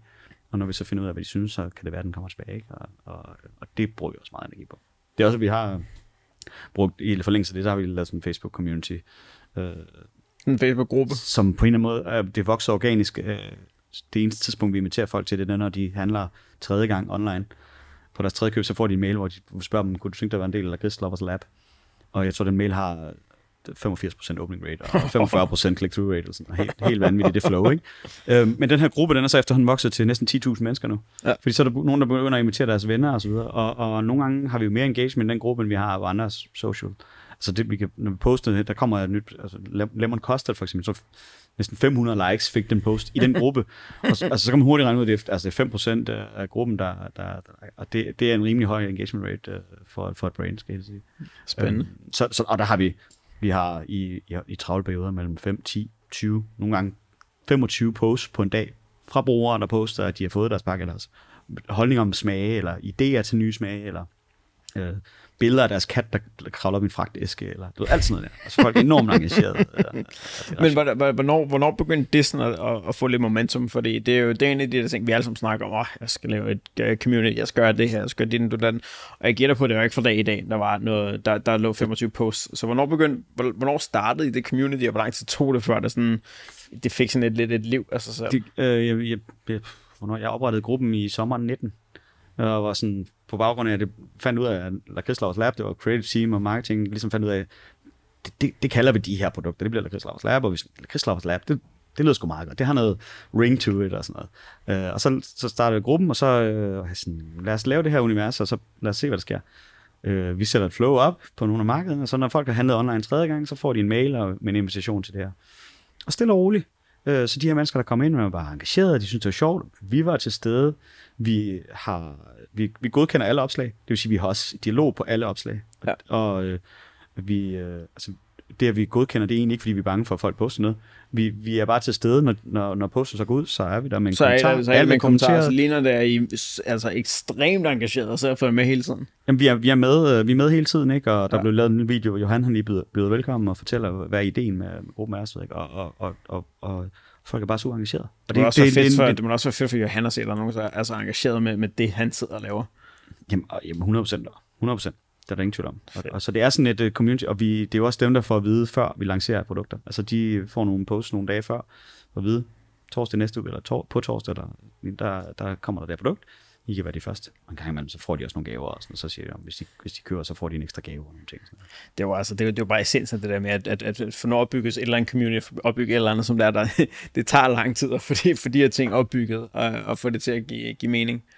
Uh, men uh, hvis man skruer, skruer tiden helt frem til i dag, hvordan ser teamet så ud i dag? Hvor mange er I i e-commerce? Øhm, jamen det, det er faktisk det team, som jeg... Kanon. Men, men vi, vi kommer til at mande flere op. Altså det er klart, ja. vi, vi kan lave noget mere, mere udvikling in-house. Vi arbejder stadig sammen med bureau og så videre, men, eller et bureau, men, men det kommer vi til at mande op. Vi kommer også ja. til at mande op. Vi, lige nu søger jeg også en digital marketing manager, simpelthen, der kan tage noget af mine, fra, ja. fra mine skuldre og, og have mere fokus, fordi, øhm, hvad kan man sige, vi er på vej, vi, øh, vi sætter i USA nu, vi er på vej i, øh, i, øh, i Kina her i løbet af december, skal vi, skal vi åbne på, på Timor Global. Øhm, og nogle af de her aktiviteter, det, det er noget, jeg bliver fedtet ind i, kan man sige, og noget af det driver, noget af det, det er rent uh, e-commerce, så der bliver bare mere og mere af den slags. Så, så det er noget, vi kommer til at kigge på. Vi kommer til at kigge på noget uh, teknisk projektledelse, product ownership internt i teamet, og flere udviklere også. Ja. Altså, det er også nogle ting. Simpelthen ved at komme til et stadie, hvor der er, at sidde og kigge på det, alle de, de forskellige hatte, som du har haft gennem årene, at, at at det skal begynde at, at, at det kommer til sådan en kritisk masse nu, at det kan give mening, at der er en, der får den hat udelukkende øh, i stedet for det en, som du har mandag tirsdag, og så har du en anden hat onsdag, og en anden hat torsdag morgen. Ja. Så er der en, der kommer ind og siger, at det her det er det eneste, som jeg faktisk ejer. Jeg begynder at nå den kritiske masse nu. Ja, ja, 100 procent. Altså, det, det er vi, vi er nok også et godt stykke forbi, at uh, mange, det tror jeg, mange, det, det må jeg sige. mange vil, uh, mange vil, altså vi, vi, uh, vi, vi ligger, altså jeg tror i år, vi rammer 300.000 pakker i år, ikke? Og, og, og, og, og, og der ligger måske 60.000 øh, også i, i Amazon og så videre. Ikke? Så, så ja. vi, når, vi nåede et punkt, hvor, hvor, hvor øh, altså, vi har en god størrelse efterhånden. Ja. Øh, på en ren e-commerce. Altså. Nu nævner du, nu nævner du lige hurtigt Amazon. Er det øh, bare lige sådan, så folk øh, forstår, er det, er det Amazon i Danmark? Er det Sverige? Norge? Er det... I, I dag er vi på Amazon i USA, og vi er Amazon Tyskland. Ja. Øh, I det nye år, så åbner vi øh, blandt andet UK og måske Pan-European også. Øh, ja. Så må vi se, hvordan. Det, det ved jeg ikke nu. Det, okay. det, det, det, er noget, vi tager stilling til næste år. Men hvorfor, Tyskland og USA. Hvorfor valgte I at gå ind i og starte i, i Tyskland, for eksempel? Øhm, alene af den årsag, at vi gerne vil eje brandet. Vi, vil, altså, vi kunne se, at der allerede var begyndt at være til stedeværelse, og det ser vi også på andre markedspladser rundt omkring. Ja. Øh, og øhm, vi kunne også se, at øh, kunden ikke nødvendigvis fik, den rigtige, fik en god oplevelse. Altså fordi der var, der, altså vi ser nogen, så finder vi ud af, at der er en eller anden, øh, der får fingre igennem en eller anden kanal et eller andet sted. Det kan være en, en der sidder i Sverige måske og køber af omveje, hvor vi ikke som så lige pludselig sælger dem på Amazon i Italien. Hvis vi får købt, får købt et parti på en eller anden så, måde, og så, så, ja, så, så, så, sælger de dem for... Så lige pludselig er vi, er vi som brand på en eller anden måde til stede, og, og slutkunden ved egentlig ikke helt, om de køber dem hos Amazon eller en anden, eller os. Og, og det vi så i Tyskland, det var bare, at der, det blev alt for broet. Ja dårlige oplevelser, øh, gamle produkter, udløbende produkter osv., og, og, og det ville vi bare ikke øh, kunne acceptere, fordi det, vi synes ikke, det var i orden. Så det giver en super dårlig brandoplevelse. Det er super dårlig oplevelse for kunden og, og for slutkunden, og de vil jo gerne øh, vores produkter, så vi var bare sådan, okay, vi bliver nødt til at gå ind her og, øh, og, og, og tage den her platform og være til stede full on. Øhm, og så, så det har vi gjort i Tyskland nu, og, og, og Amazon Tyskland er... Øh, er et monster. Altså, det, nej, altså, det er på den måde, at, at det, at det, det samme i UK og, og Tyskland, det er jo næsten 50 procent af digitalt salg, ikke? og det, det er gigantisk. Altså, ja. Det er helt vildt. Altså jeg plejer, jeg plejer at sige, at, at Amazon er en, er, er, altså man, ligesom man ser som, som, som offline er anderledes end e-commerce, jamen Amazon er anderledes end e-commerce som sådan. Mm-hmm. Altså det, det, det, det, er noget an, altså det er noget andet, og ja, i sådan et land som, som Tyskland, et land som USA og England, for så skyld, hvor der er et kæmpe volumen på Amazon, ja, så, så, så gør det ondt ikke at være der, og det kan godt føles som om, at, at at Amazon tager over for e-commerce, og, eller egen e-commerce platform. Men der, der er værdi i, i at være begge steder. Altså det, det er ikke det ene eller det andet. Altså man har hørt i Danmark, at der er der mange igennem årene, som der har, har proklameret, at, at når Amazon først kommer, så lukker alle deres webshops op. Det kommer aldrig nogensinde til at ske. Det sker heller ikke i USA. Altså, det, altså der er klart, der er, hvis du... Øhm, hvis du, er, hvis du sælger nogle generiske produkter, som du ikke selv laver, ja. øh, og altså du ved, når man besøger i Tyskland, når du besøger shops, som øh, sælger øh, campingudstyr, du ved, som andre laver, ikke har i sine ja. egne mærker. Sådan. altså så gør det ondt. Ja. Altså det er ikke sjovt at have Amazon. Øh, eller hvis du producerer batterier, kabler, øh, alle de der sådan ultra generiske ting, som alle kender, alle har en gang imellem brug for osv., der kan bare ikke, der, de, kan ikke, de kan bare ikke være med. Altså, fordi, fordi, som, som en, der køber, i USA, køber Amazon hele tiden. Jeg ved lige præcis, hvad jeg får. Jeg ved, jeg kan returnere det. Altså, jeg, jeg, jeg, jeg behøver ikke, nu om dagen, jeg behøver ikke engang pakke det ind. Jeg tager bare det kabel der, og siger, om det var ikke det, jeg gerne ville have, eller hvad end jeg lige har købt, om det var ikke det, jeg ville have. Jeg går ned til USPS, og så får de det bare. Altså, jeg, jeg skal ikke engang sætte det i en pakke længere. Altså, jeg synes, det er så vildt en markant bedre oplevelse. Ja, men det er det, og det, og det, det, det er jo bare en maskine, der, der fungerer. Det er der ingen tvivl om, kommer lyn hurtigt, og du får næsten altid den bedste pris og så videre. På, det, ja. på alle de der generiske ting, 100%. Men vi har også en, en strategi, altså vi, vi, vi har, øh, ligesom vi øhm, har ting, som vi sælger kun i egen, egen shop, egen ja. retail, så de produkter sælger vi ikke på Amazon. Der er en helt stribe produkter, som, som aldrig bliver tilgængelige på Amazon. Det bliver man nødt til at komme til os øh, i vores butik eller, eller online for at købe, fordi vi vil gerne lave den bedst mulige brandoplevelse, og, og, og, det, det skal det afspejle. Det Ja. får man ikke på en markedsplads. øh, Det får du ikke nødvendigvis ude i en... Altså du, får, du, kan, du, du kan opleve produktet ude i, en- i, en, i en forhandler øh, bu- butik, men du får ikke nødvendigvis de samme historier. De ved ikke det samme om, om produkterne, som vores butikspersonale gør. Så derfor er der klart, at der er bare nogle produkter, der egner sig bedre til, at vi kan fortælle hele historien, Ja. for at forbrugeren får den gode oplevelse. En af de ting, som, som, som jeg kan se et, et kæmpe mønster i, i USA, det er, at de her generiske produkter sælger. Altså, altså de her, hvad man kan, det her third party marketplace. At man kan, man kan lave et produkt i, i Kina, eller, eller lokalt i USA, Danmark osv., og så sætte det ind på den er ind på, ind på Amazon med, med en Amazon Store, mm. eller Amazon Brand Store, og, en, og så kører Amazon Ads til det. Og så er man inde på den der lukkede markedsplads. Du behøver aldrig nogensinde at koncentrere dig om at lave en hjemmeside, øh, lave annoncering som sådan. Altså, så svært er Amazon Ads, heller, Amazon Ads heller ikke. Så der er en hel masse ting, som det er. Det er, At, at, er relativt nemt at komme i gang med, det er svært at virkelig mestre Amazon Ja, øh, i skala. Altså, jeg blev, jeg blev virkelig overrasket. Øh, vi lavede en, en del af Amazon her for, for et år til halvandet siden, og øh, jeg kan huske, da jeg begyndte at lave den præsentation til, til, til internt, hold da op, der var mange ting at holde styr på. Øh, Oh yes. Stadigvæk simpler end, end, end at drive sin egen webshop, Ja. lave et shopping feed, og sætte shopping op og det hele. Øh, smart shopping begynder at gøre det meget lettere, men det der med, at der er adgang for, for generiske produkter, øh, ting som, som her for Jensen laver, eller laver en ny version af, af, en, af, en, af hvad hedder det, en, en tumbler, eller en kaffekrus, og alle de her ting, som Ja. der, man kan købe på Amazon, for eksempel i USA, øh, som jeg køber rigtig mange af, for eksempel. Øh, det, det er jo ikke, fordi Nike har sælger mindre Nike på deres hjemmeside, fordi at, fordi at Amazon er kommet. Altså, de, de har udvidet rigtig meget af online-salget på de her generiske varer, som der ikke ligger andre steder. Eller som der måske har ligget på den her generiske webshop en gang imellem.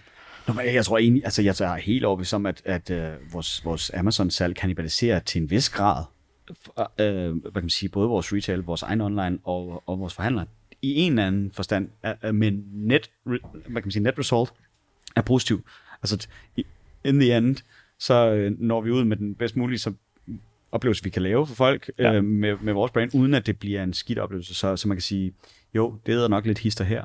Men det kan altså også være en skidt oplevelse ikke at kunne købe det på Amazon. Hvis jeg, hvis jeg køber... Ja, præcis. altså jeg, jeg har snakket med mange folk i USA, om de, alt de køber, de, altså alt det er, det er i USA. Jeg er ved at blive mere og mere amerikaner. Jeg har min, min vaskepult, der kører også på abonnement derinde, og ja. nogle andre ting. Kan du bare jeg- dashbotten? Eller Ja, så, så kan du nej, det er godt nok ikke det, men kører bare Nå. for subscription på det her. Ja. Ja. På det, jeg tænker, "Ej, det- skal jeg virkelig ned og købe toiletpapir? Nej, jeg kan få det her, og så kan jeg få det 15% billigere, og så bliver det sendt til min dør.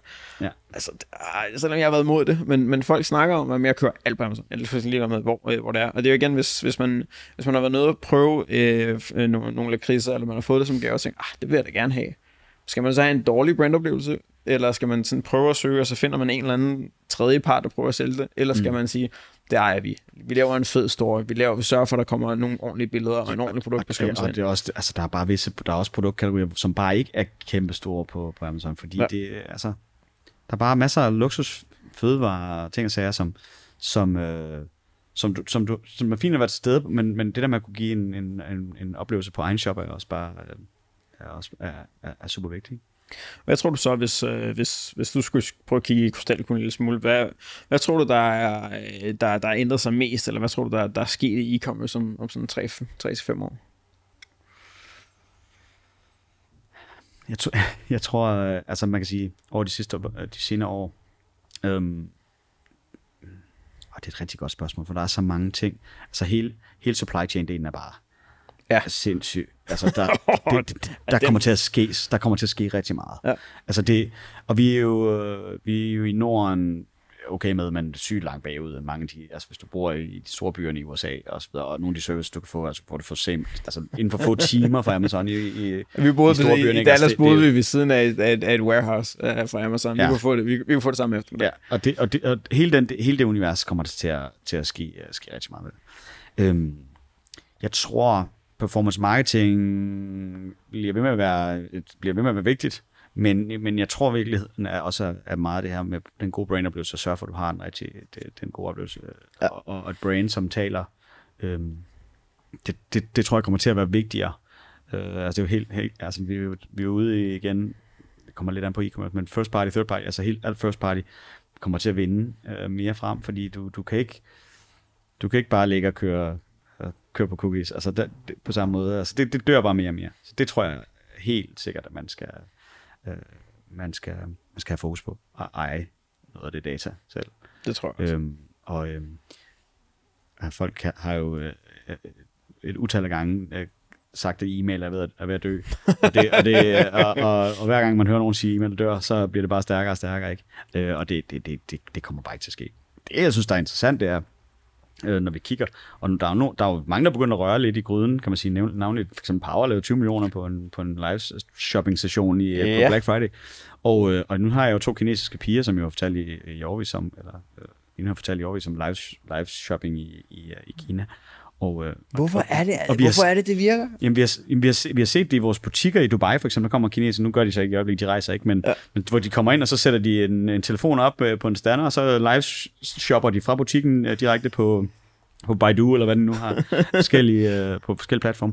Og øhm, det virker bare, altså det, det, det, der er, noget, der er noget i Kina for eksempel med noget celebrity endorsements og livestreamer, og nogle af de her, der var navnligt en, en, en livestreamer, som omsat for 2 milliarder dollars på, på 12 timer her for, på uge, for nogle uger siden. Øhm, og, øh, og det er jo et, et, et, et kæmpe setup. Jeg tror, at de, altså de har, hende i mit team, hun fortalte, jamen det er, de er jo live streaming, live shopping koncept, så de, ja. de laver ikke andet end det, og de har flere hundrede mennesker ansat til at, at, at lave de her ting. Ikke? Og så er det bare, så det ser ud som om det er en live shop, og han, det er en meget personlig oplevelse. Men hvis man har set live shopping i, i Kina, det er, det er jo vanvittigt. Altså det er, det, det er jo ting, der flyver ind, det, det, det, og blinker, og øh, altså, katte emojis, alt, altså det er helt vanvittigt. Ah, det, det, det, det, det, på den måde vil det nok aldrig blive i, um, i vores del af verden, men man kan helt tydeligt se, at det der med, at øh, live shopping giver sådan en meget autentisk oplevelse, tror jeg. Der tror jeg, at folk de sidder og, og kigger, og i virkeligheden er det jo, det er jo en annonce, men der ligger noget, der ligger noget viralitet i platformen, at når du, når du live shopper, så engager folk, og så giver det meget hurtigt noget spredning. Så på den måde, når du går live på Facebook og så videre, så, så er der bare noget viralitet. Og det, jeg tror, det er den effekt, der i virkeligheden uh, spiller meget ind. Og det, så er det nemt. Åh, oh, men uh, der, er nogle, der er noget spændende produkt, et offer eller et eller andet, og jeg skal bare skrive ja tak, eller hvad et eller andet, så, så kan jeg lige klikke på et link, og så skal jeg ikke... Altså, du ved, det er ultra convenient. Ja. Øh, du skal ikke til at søge noget, du skal ikke på Google og finde det rigtigt, eller prissammenligne noget. Her føler jeg, der er et godt tilbud. Der kører jeg sgu det. Du kan sammenligne lidt med, med sådan nogle samplers, der står nede i Føtex, ikke? De står, og du smager den nyeste kødpølse her, ikke? Den smager sgu meget godt. Om du kan få det to for en halv pris eller et eller andet, ikke? Så, ah, så tager den sgu da lidt med. Det var egentlig en god oplevelse lige øh, der, hvor jeg var. Det var convenient, det var nemt. Jeg skulle ikke selv søge på Jeg skulle ikke selv komme i tanke om, at jeg havde brug for kødpølse, ikke? Øhm, lidt en tavlig analogi, men, øh, men ikke desto mindre sandt, synes jeg. Øhm, så derfor tror jeg, det, det og det, vi kommer til at se meget mere af det. Altså, vi er, vores platform, altså når jeg, når jeg siger vores, så snakker jeg Vesten, mm. er sindssygt langt bagefter. Øh, altså WeChat, uh, Baidu, hele det der univers, de har jo det, det, det, er det, så det, langt Jeg har aldrig nogensinde blevet blæst så meget over, som der læste uh, ham der Jack Mars øh, biografi øh, på et tidspunkt. Jeg havde ingen, jeg troede, altså som online mand gennem 12 år, jeg troede, jeg havde sådan en god forståelse. Jeg, har, jeg havde ingen idé. Jeg havde ingen idé om, hvad det var, de lavede derovre. Jeg synes, det er helt pinligt, at der, at, der, ja, at, at der findes sådan et helt land, i sådan et kontinent, hvor jeg, jeg har ingen idé om, at, hvordan det fungerer derovre. Og det lukker land for dig. Ja. Du kan ikke, du kan ikke engang, altså hvis du åbner en, du, du kan downloade WeChat på din telefon, du kan bare ikke komme, du kan ikke komme på. Bare ærgerligt. Du, altså, du kan få ikke adgang, fordi du er ikke uh, kinesisk statsborger, så du har ikke adgang. Du, du bor det, derude, det, er mega, ikke det er mega fascinerende, altså, det må jeg sige. Så, så ja, det er, det er virkelig sjovt. Og det er jo også der, hvor man kan sige, nu åbner vi på 10 år, øh, forhåbentlig i løbet af den her måned her. Når alt går vel. Tilfæld, nu har vi så fundet uh, tilfældigvis, at det kæmper vi lidt med, at la, la, la, kinesisk lakridsrod er blevet uh, en endangered uh, species. Er det det? Vi, ja, vi bruger ikke lakridsrod på Kina, det er ikke noget, ja. men, men, men de har så besluttet for, at de gerne vil beskytte det, så, så derfor skal vi lige bevise, at men det, og det, det, det er fint. Uh, men, um, men, men det at arbejde med en kinesiske partner og arbejde på en kinesisk platform, bliver en lille smule nemmere, når man har en i sit team, der taler flydende mandarin og kantonesisk. Og bare har, og har en fornemmelse af markedet. Og altså, vokset op på både der. Hvis, hvis, hvis, hvis vi siger, at det er lidt nemmere med, med en tysker på holdet, øh, altså, jeg kan ja. slet ikke, altså igen, jeg forstår det slet ikke. Men jeg, jeg tror godt, altså det er nemmere at gå ind i det tyske marked som dansker, fordi ja. du kan rimelig nemt kommunikere, og, og der er mange ting, der er det samme. Altså, hvis mænd er fra Mars og kvinder fra Venus, så er altså Kina og, og Danmark Kina. er altså langt, altså, der er så langt, der er så stor forskel, øh, og, og, og, og, øhm, og de er bare ikke så gode til engelsk. Altså, de kan godt være, at de har en i et team, som hun taler godt engelsk, men, men, men så sidder der fem andre i et team, og de taler ikke engelsk. Og, og at have de der dialoger, det er svært. Og så, og, og, så hun kan tale øh, med dem på, på deres sprog. Det, det gør det nemmere, og det skaber også meget med tryghed for dem, og det er meget nemmere at bygge den bro og så videre. Ikke? Det er ingen tvivl om, og hun kender brandet og arbejder hos os i tre år. Så det er en stor fordel.